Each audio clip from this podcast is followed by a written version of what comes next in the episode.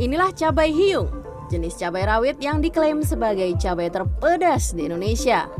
Cabai ini terdaftar sebagai varietas tanaman lokal khas Tapin. Tumbuh di lahan rawa Desa Hiung, Kecamatan Tapin Tengah, Kabupaten Tapin, Kalimantan Selatan.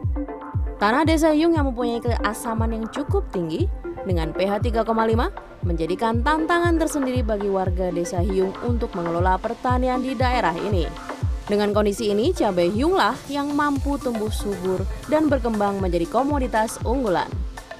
Hasil penelitian dari Laboratorium Pengujian Balai Besar Pertanian dan Pengembangan Pasca Panen milik Kementerian Pertanian RI, kadar kapsaisin pada cabai hiung mencapai 333,05 ppm atau 17 kali lebih pedas dari cabai biasa. Menurut Wakil Menteri Pertanian RI, Harfiq Hasanul Kolbi, cabai hiung adalah sebuah heritage yang harus dipertahankan dan dikembangkan dengan membuat hilirisasi produk cabai hiung di tingkat UMKM. Jadi memang ini ciri khas ini memang dipertahankan Pak nih, heritage ini. 17 tadi 17 kali lipat.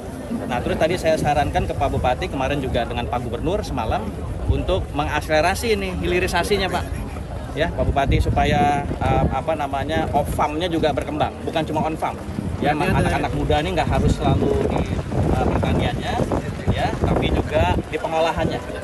Pemerintah Kabupaten Tapin berusaha terus mengembangkan produksi tanam cabai hiung ini. Saat ini ada 116 hektar lahan yang sudah ditanami cabai hiung dan akan terus diperluas karena sangat menguntungkan bagi para petani.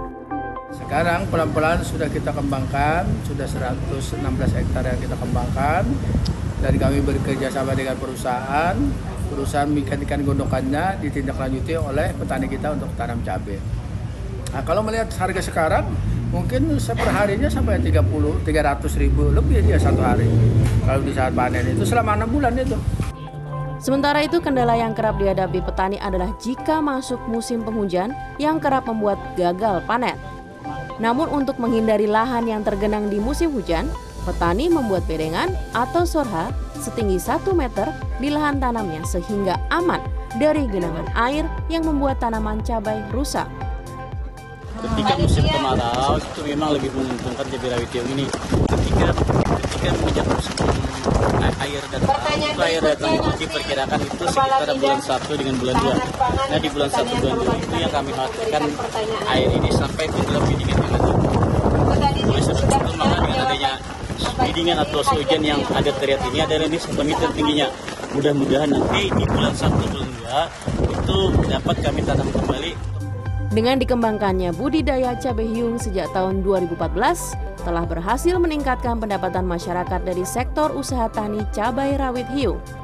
Tercatat ada 440 kepala keluarga yang saat ini turut mengembangkan budidaya cabai hiung.